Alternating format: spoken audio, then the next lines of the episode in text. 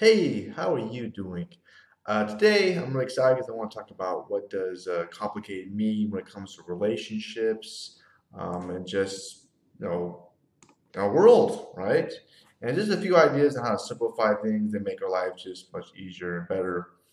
Um, now, before I get started, down below there's a link, and if you click on it, uh, there's really great skills you can view and develop when it comes if you want to make some money online. Okay, that's what that's about, uh, which is valuable. Now, um, when someone says a relationship is complicated, um, what they mean really is they're half pregnant. What the hell does that mean, Kevin? Half pregnant? Well, it means they're in a relationship and they're not in a relationship. Ooh, ooh, ooh. Kind of reminds me of like Dennis Hof. You ever know who Dennis Hof is? He, well, he used to own all the brothels in Nevada, right? And he'd have this girl that he was in a relationship with. I love you. I love you, baby. And these other girls, I have sex with them, but I don't love them. You see, there's a difference. So he was in a relationship, he was not in a relationship. And no woman can handle that shit. So were like, peace, boom. Guess what happens when you're half pregnant, right? Yeah, it means that you usually results in no pregnancy. It kills a relationship or anything you're involved with, right? It's kind of like a, like starting a, like a I don't know business. I kind of want to do. It, I kind of don't want to do. I want to, you know, I'm trying to think of an example now. Uh, yeah, I want to, you know, go to school to be a nurse, or I don't want to be a nurse. I have a friend do that. he half pregnant and didn't make it. So yeah, I mean, how many people start things and don't finish them? Nearly everyone. Um, so one way to make things very simple and life just enjoyable and better is just to cut shit out of your life, eliminate it. Okay?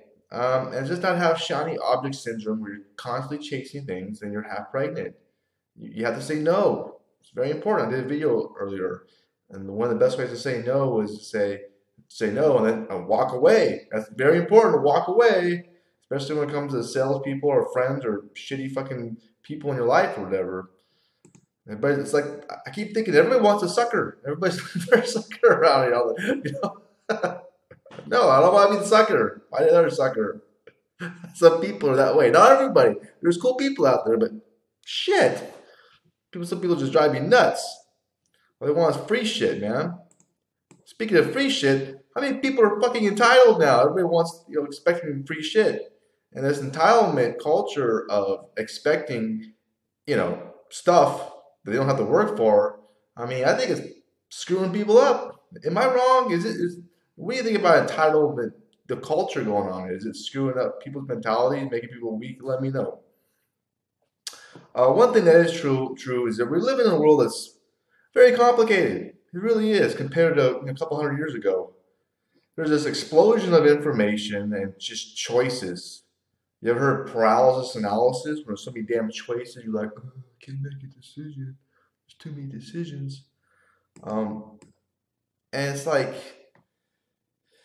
you know, it's just explosion of information from everything. You know, even simple things like like our health and child development, nutrition, phone. I mean, it just goes nuts. Phones. Um, and what's more is this rapid growth uh, is probably going to continue. Okay, it's probably going to it's going to continue. I mean, the reality is we travel faster, uh, we relocate frequently. Uh, I mean, we, we start new relationships. We, we move a lot.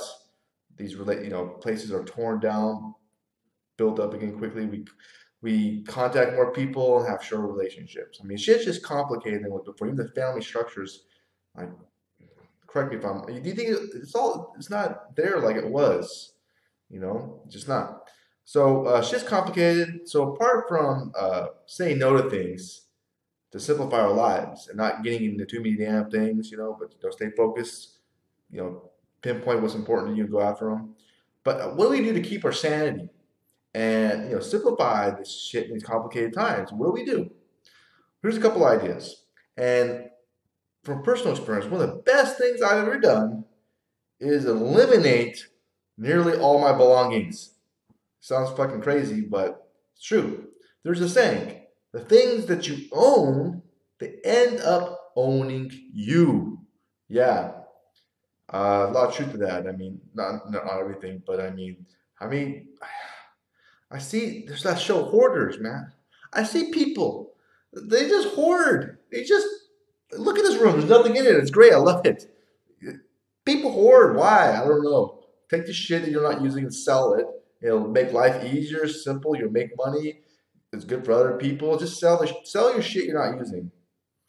Um, I did, and it just freed me up. I went overseas for years, traveled around. I mean, it was, it was a great thing. Okay.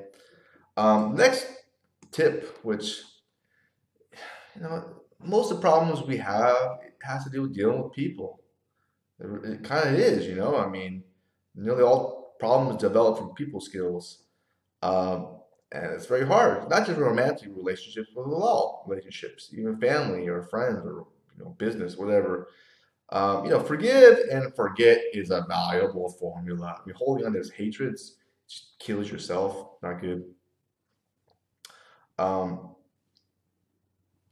so forgive and forget, forget. Very valuable. I just read a story about a boxer who was wrongly accused and went to prison for murder.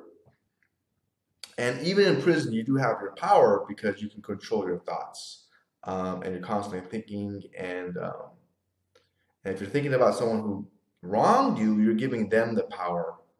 You know, you're, you're, if you're thinking about that person, that fucking person doesn't care about you. Just move on with your life.